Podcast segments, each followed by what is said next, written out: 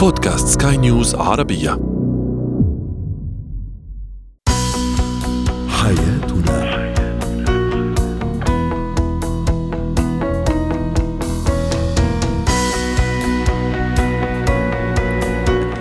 مستمعينا الكرام أهلا بكم. معنا إلى حياتنا فضاؤكم اليومي الذي يعنى بشؤون الأسرة وباقي الشؤون الحياتية الأخرى والذي يمكنكم الاستماع إليه عبر منصة سكاي نيوز عربيه dot com slash podcast وباقي منصات سكاي نيوز العربية الأخرى. معي أنا أمال شاب. نتحدث اليوم عن كيف يبدد الزوج مخاوف زوجته بعد الولادة أو بعد وضعها لمولودهما. أيضا في فقرة زينة الحياة نتحدث اليوم عن كيفية التخلص من الارتداد المريء. هذه المشكلة أو الظاهرة التي كثيرا ما تكثر عند الرضع. وأخيرا في فقرة الجمال شيء من الموضة اليوم وحديث عن كيفية اختيار حزام الخصر المناسب لشكل الجسم.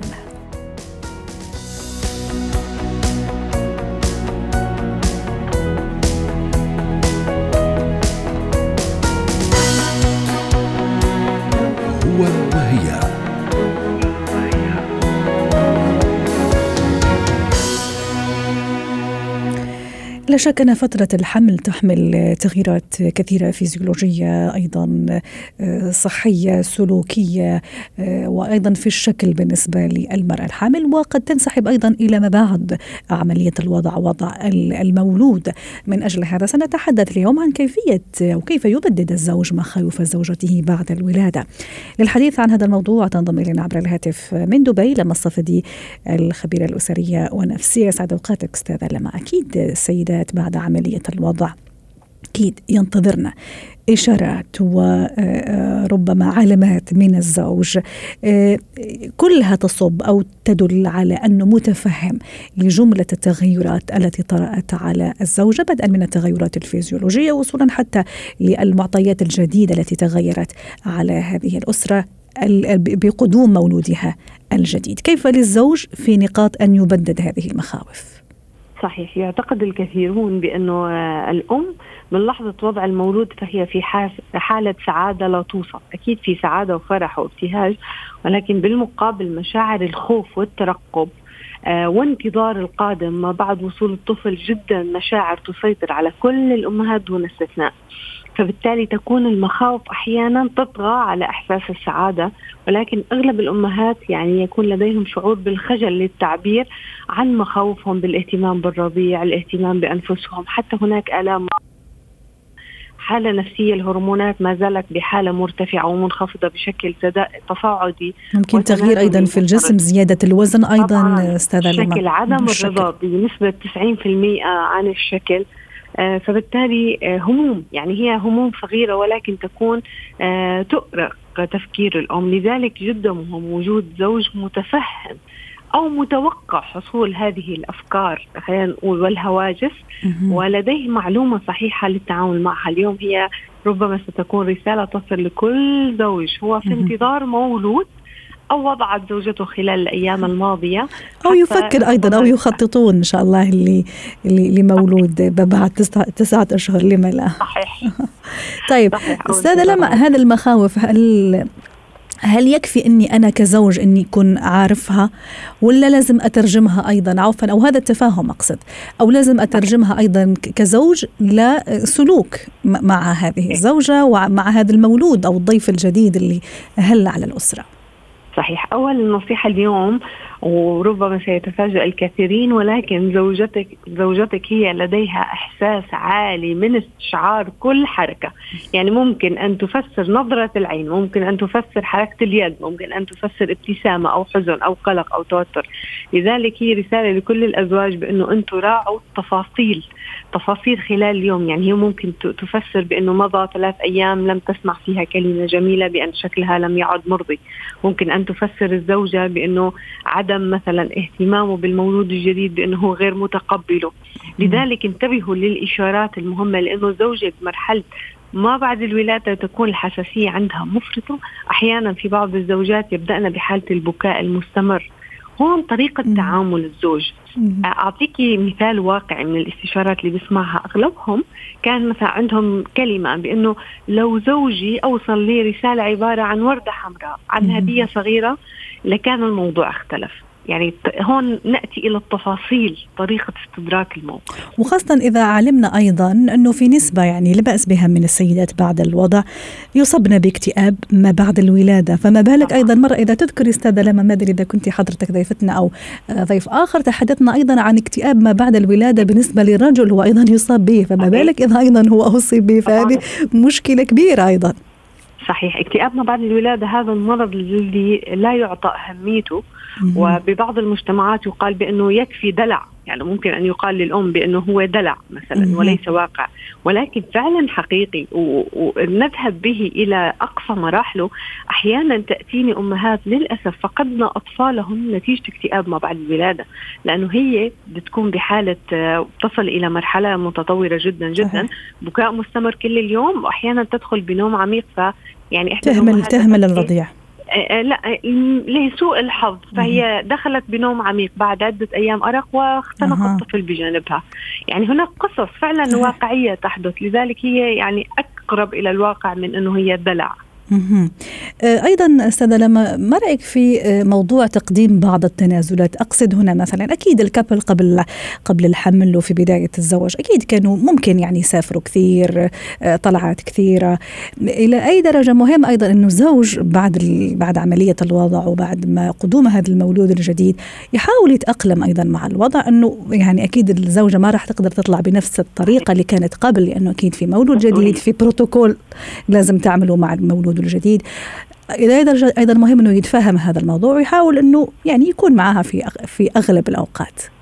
كلامك تماما هو يلامس الواقع لأنه الذي يحدث هو المقارنة. في بعض العلاقات تدخل بحالة فتور عاطفي شديد ما بعد انجاب الطفل لأنه اولا هي الزوجة يصبح لديها عدم رضا عن الشكل تسعى بشكل متطرف لإنزال الوزن مثلا. من جهة الأخرى الزوج يعتقد بأنه الروتين السعيد لحياته تم تخريبه ولكن هو لا يستطيع التأقلم مع الجديد ودائما لديه نقوص إلى ما كان قبل سفرات سهرات آه، نوم عميق.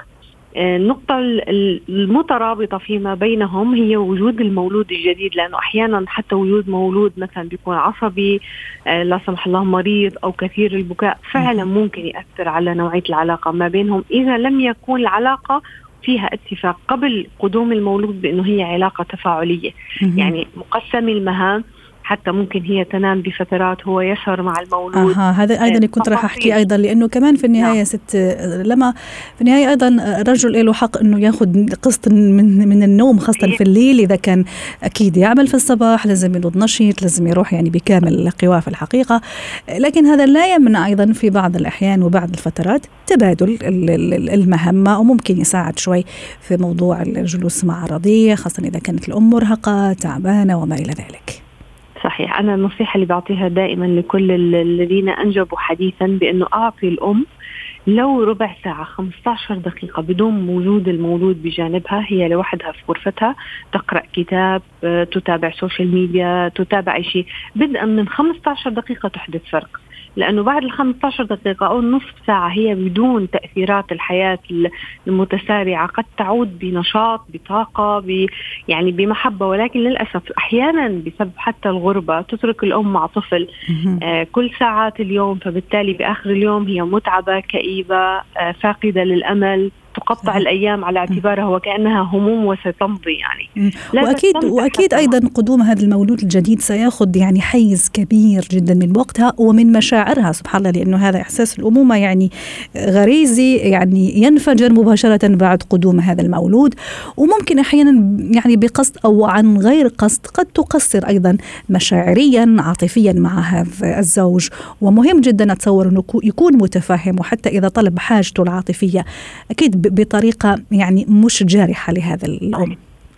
صحيح. وفي معلومة حابة اليوم هيك أضيفها لكل مستمع بإنه المشاعر الغريزة عند الأب تتأخر حتى تحدث.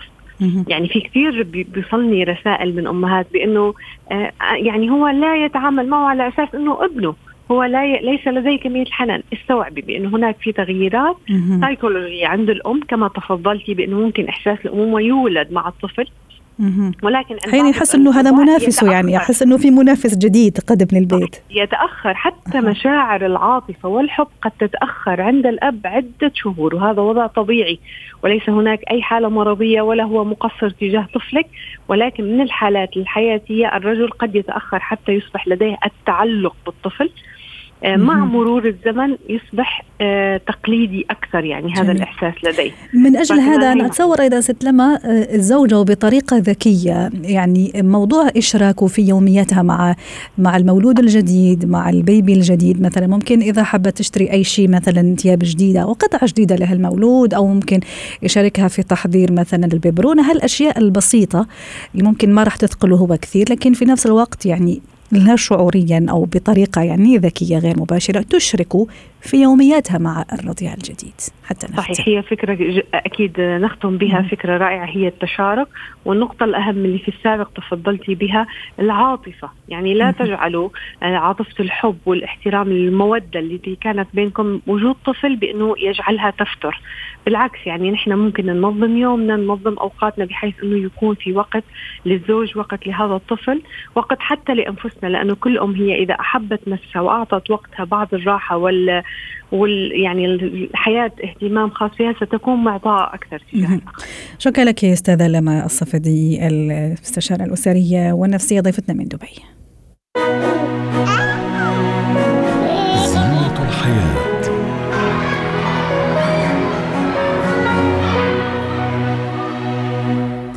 اليوم سنتحدث عن ظاهرة شائعة جدا بالنسبة للرضع حديثي الولادة يتعلق الأمر بالارتداد المريئي. كيف أتصرف كيف أتعامل خاصة إذا كنت أم حديثة العهد يعني بالأمومة. الحديث عن هذا الموضوع تنضم إلينا أو ينضم إلينا عفوا عبر الهاتف دكتور سامح عبد العظيم استشاري طب الأطفال. يسعد أوقاتك دكتور سامح. ممكن الأمهات اللي أوريدي آه، عندهم أطفال ممكن ما يتخضوا كثير لما يشوفوا هذا البيبي يعني رجع الحليب فتقول لك عادي طبيعي جدا. لكن الأم اللي حديثة العهد بالأمومة ممكن أحيانا تشعر بقلق وما تعرف كيف تتصرف. أولا علميا أو طبيا ما هو الارتداد المرئي آه، السلام عليكم. أهلا وسهلا بحضرتك وبالسادة المستمعين. آه هو بس أنا هصلح حاجة ما عندك تقولي إن الأم الأولى هي اللي هتبقى قلقانه لا والله هي الأم الأولى وعند الطفل الأول والثاني والثاني والثالث ها؟ الأم قلقانه على طول. طيب هو طبعا إحنا آه، دي ظاهرة طبيعية أو ظاهرة منتشرة ما بين الأطفال الرضع الحقيقة. آه والأمهات ما بتعرفش تفرقها عن الشيء الغير طبيعي. هو بيبقى الطفل في بداية عمره بيبقى في ضعف بسيط في الصمام اللي بيصل ما بين المريء وما بين المعدة. بيؤدي في بعض الأحيان وبعض الأطفال إلى ارتداد الحليب بعد الرضاعة آه، من المعدة إلى المريء وخروجه عن طريق آه، الفم. هو طبعا شيء مؤرق جدا للطفل ومتعب له ولكن يحدث ألم دكتور سامح؟ بالنسبة لي؟ هو بي بي مش ألم هو مم. بيحدث حاله من الضيق آه عدم راحة انزعاج. آه بالضبط بالضبط إذا زاد عن الحد. طبعا هو إحنا لازم نفرقه لأن إحنا عندنا الطفل آه في آه خروج الحليب بعد الرضاعة ده شيء طبيعي إذا لم يكون مصحوب معاه أي مشاكل ثانية بمعنى إذا الأم لاحظت إن طفلها بعد الرضعة وبعد ما عملت بعد ما كرعته كويس إن الطفل خرج جزء من الحليب ولكن هي لاحظت إن الطفل مرتاح تماما ما فيش مشكلة مش متضايق بيرضع بعدها بشكل طبيعي جدا. اذا ليس هناك أي مشكلة وده خروج طبيعي للحليب وما فيش أي داعي لاستشارة الطبيب حتى. ولكن إذا كان الترجيع ده أو خروج الحليب ده مصحوب بأعراض ثانية زي مثلا إن الطفل بدأ يشعر بالضيق وبيبكي بشدة إذا الطفل بدأ يشرق إذا الطفل بدأ يكح بشدة إذا الطفل بدأ يرفض الرضاعة دي علامات إن في فعلا آه، آه، ارتداد للحليب ومحتاجة استشارة الطبيب عشان نفرقها ونقص الوزن أيضا دكتور سامح هل من بين الأعراض اللي تخليني أقلق؟ آه نعم. نقص الوزن. إذا شفت ابني يعني دائما أو رضيعي دائما يطلب الرضاعة أكثر وفي نفس الوقت يعني وزنه عم ينزل يعني ما عم يزيد الوزن. إحنا حفظنا النقطه ثانية خالص. بنقول إيه العلامات الخطيرة اللي اللي تكون مصحوبة معاها مع الارتداد؟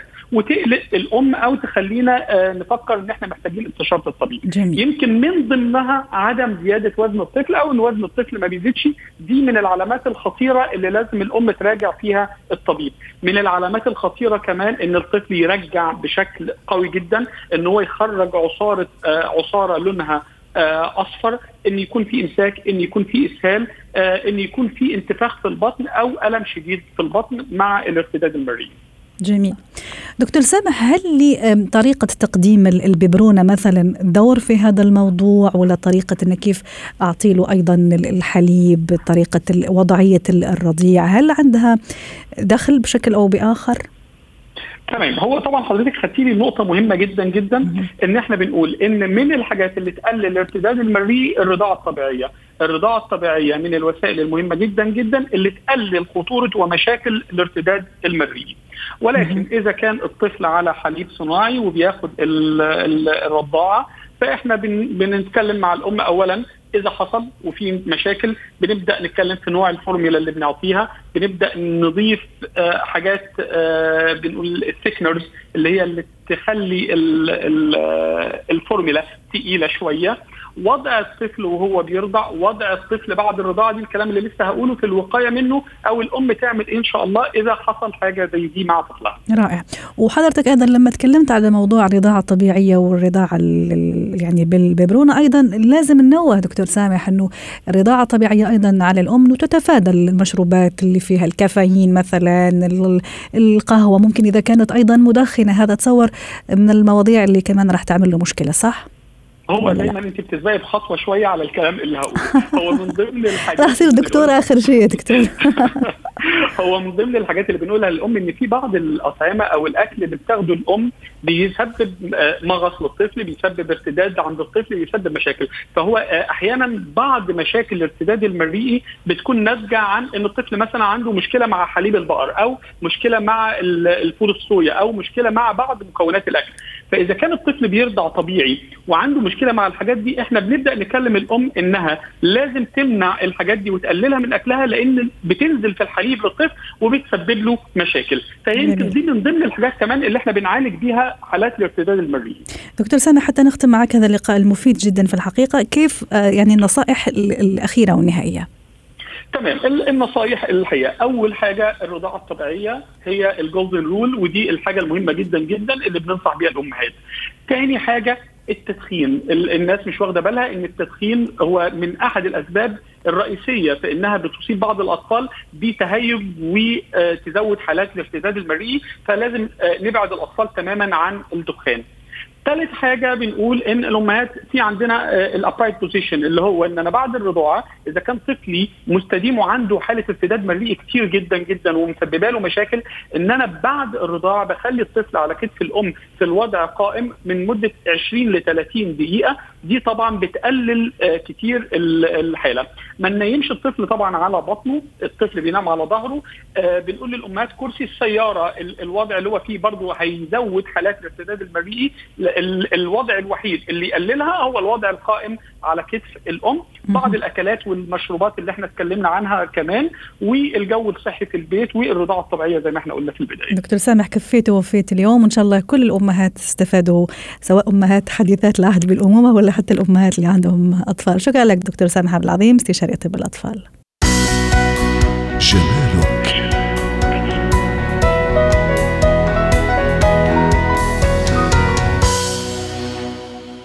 اليوم سنتحدث عن حزام الخصر في فقرة الجمال أكيد أنه حزام الخصر هو واحد من أهم الأكسسوارات لكل سيدة أو فتاة خاصة إذا كانت مثلا تفضل الفساتين أو التنانير أو حتى البناطيل أو السراويل واختيار الحزام الملائم يظهرها طبعا بشكل أكثر أناقة وشذب لكن شرط أنه يكون متناسب ومتناغم مع شكل الجسم. للحديث عن هذا الموضوع تنضم إلينا عبر الهاتف صفا كرم خبيرة الموضة. يسعد أوقاتك صفا. أكيد لما نروح للمحلات بنلاقي يعني حزام وأحزمة على أشكال وألوان وأنواع العريضة والرفيعة والمزركشة والسادة وما إلى ذلك. كيف أختار أنا حزام خصر يناسبني حسب شكل الجسم؟ اولا يسعد أوقاتكم. ثانيا مثل ما ذكرتي الاحزمه صار فيها ترند كثيرة وصار فيها designs كثيرة وألوان مختلفة أحجام مختلفة materials مختلفة نشوفها بالمحلات. هي إضافة للملابس جدا قيمة وتبين الملابس دائما أكثر رقي. ولكن من الضروري أن نختار الحزام اللي يناسب شكل جسمنا حتى لا يخرب آه، مظهر المظهر كامل. فمثلا آه، المرأة اللي خصرها غير بارز ومثلا عندها آه، البطن ممتلئة تتجه للأحزمة اللي تكون عريضة حتى تخفي هذه المنطقة وتبينها أكثر رفعا يعني تبينها رفيعة أكثر. جميل. أما النساء اللي آه، خصرهم already بارز ورفيع يتجهون لحزام آه، رفيع جدا يعني بسيط بس يبين آه، هذه المنطقة وما يخفي أي شيء. أما بالنسبة مثلا للنساء اللي جسمهم مستقيم أيضا يتجهون مثلا للملابس واسعة ويحطون عليها حزام رفيع حتى نعطي آه، مثل إنه نخدع الناس إنه شكل جسمنا مثل على شكل ساعة رمليه. صفا أيضا بالنسبة للألوان زي ما آه، قلت في البداية مثلا في هالأشكال كثيرة المزركشة واللي سادة واللي حتى أحيانا تلاقيها بيرلي يعني فيها مثلا أحجار وما إلى ذلك، حتى الآن صرنا نشوف الأحزمة اللي كنا نرتديها في سهرات مثلا أو مناسبات صارت لا ممكن أنا ألبسها عادي في, في يومي العادي. كيف أختار أيضا الألوان والأشكال حسب آه، شكل الجسم وأيضا حسب الملابس اللي أنا راح ارتديها خلينا نبتدي مثلا بالحزام المزركش مثلا. okay. مثلا إذا أنا آه، جسمي ممتلئ أو حابة أخفي شيء بجسمي أبتعد كليا عن الاحزمه اللي فيها كثير تطريز أو فيها ألوان كثيرة ألبس شيء آه، لون بسيط اسود آه، أسود أو بيج على حسب لون اللبس اللي أنا لابسته حتى يبين شكل جسمي واحد وما يقسم جسمي. أما مثلا إذا أنا حبيت إنه آه، أبرز ال outfit وأكثر بال outfit فراح أختار شيء مثلا ملون أكثر مطرز إذا لابسة شيء آه، بسيط جدا. آه، بس حابة أن أضيف لمسه أنيقة فأختار الأحزمة اللي فيها مثلا كركشة أو فيها بعض الأحجار اللؤلؤ. ولكن من الضروري أنه ما أخلي بس الحزام هو اللي يكون بارز. أبقى مثلا مع تكرمون shoes آه هذا هذا اللي كنت راح أسأله يا صفا أيضا موضوع تنسيق الحزام مع الحذاء وحتى مع الحقيبة. كيف كيف أيضا أنسق؟ هل لازم يكون نفس مثلا اللون خلينا نقول ولا ممكن لا ألعب أنا على الألوان؟ okay. ممكن إنه نخلي ال look classic إذا نسقنا نفس اللون الحزام والشنطة وال shoes. بس آه إضافة مثلا ممكن نسويها إنه نفس اللون بس يكون درجات مختلفة. أو مثلا إذا الحزام كان فيه كثير ألوان ألوان مختلفة أختار لون آه ثانوي. ما يكون أكثر لون بارز أختار ثاني لون بارز وأنسق فيه الإكسسوارات مثل ال shoes والشنطة. آه بنفس الوقت مثلا إذا اختاريت آه حزام ملون قررت إنه أكون basic بال shoes والشنطة أختار ألوان مثلا مثل لون ال outfit ما أروح بعيد عن هالألوان. ممكن أضيف آه scarf صغير على الشنطة مثل ألوان الحزام. يعني نحاول إنه ما نترك الحزام يكون هو القطعة ال statement لا نحاول إنه يكون آه هو يعني قطعة تكمل ال outfit أكثر من إنه هو ال statement فيه. آه صفا مشبك الحزام هل أيضا عنده عنده يعني دلالة معينة؟ أحيانا يكون مثلا كبير مثلا يكون عريض لا يكون شوية يعني رفيع هل هذا أيضا عنده علاقة بال أو لازم أختاره حسب شكل الجسم وحتى أيضا الثياب اللي أنا لابستها؟ أكيد الكل أول شيء لازم نفهم شكل الجسم حتى نعرف أي حزام يناسبنا وأي شكل وأي material تناسبنا مثلا ال material خلينا نقول اللي تكون مطاطة عشان آه، تخفي منطقة البطن مثلا أو نختار الجلد البسيط اللي هو بس يبرز منطقة الخصر أو مثلا آه، للنساء اللي هم آه، مو طويلين اللي طولهم شوي يكون قصير يبتعدون عن الحزام لأنه الحزام رح يقسم جسمهم فرح يبينهم أكثر قصرا. وإذا اضطروا إنه يلبس حزام فيلبس حزام من نفس لون الاوتفيت بالضبط حتى لا يقسم الجسم إلى قسمين حتى لا يبين إنه آه، حتى لا تبين إنه أكثر قصرا. آه وشيء ثاني للنساء الطويلات آه يناسبهم اختيار ألوان الأحزمة تكون آه آه، رفيعة وبنفس الوقت نختار ألوان آه، مثلا فاقعة أو ألوان مختلفة عن الأوتفيت حتى نكسر بالأوتفيت ويبين شكل الجسم آه، مرتب أكثر. وحتى نختن صفة أيضا في 30 ثانية أو أكثر شوي. مثلا إذا طلعت أنا سهرة أو يعني مناسبة مثلا تكون ليلية يعني. نفس الشيء ينطبق على الكلام اللي قلناه مثلا إذا ارتديت في الصباح يعني نفس القواعد. أكيد للسهرة أو لليل نختار مثلا الاحزمه اللي تكون مثلا يا silver يا gold آه نحاول نتجه لهالالوان أكثر مثل ألوان ال jewelry اللي لابسيها المجوهرات اللي لابسيها. نتجه نفس اللون الحزام آه يطلع أكثر رقي من إنه نلبس حزام جلد شكرا لك صفا كرم خبيرة الموضة كنت معنا عبر الهاتف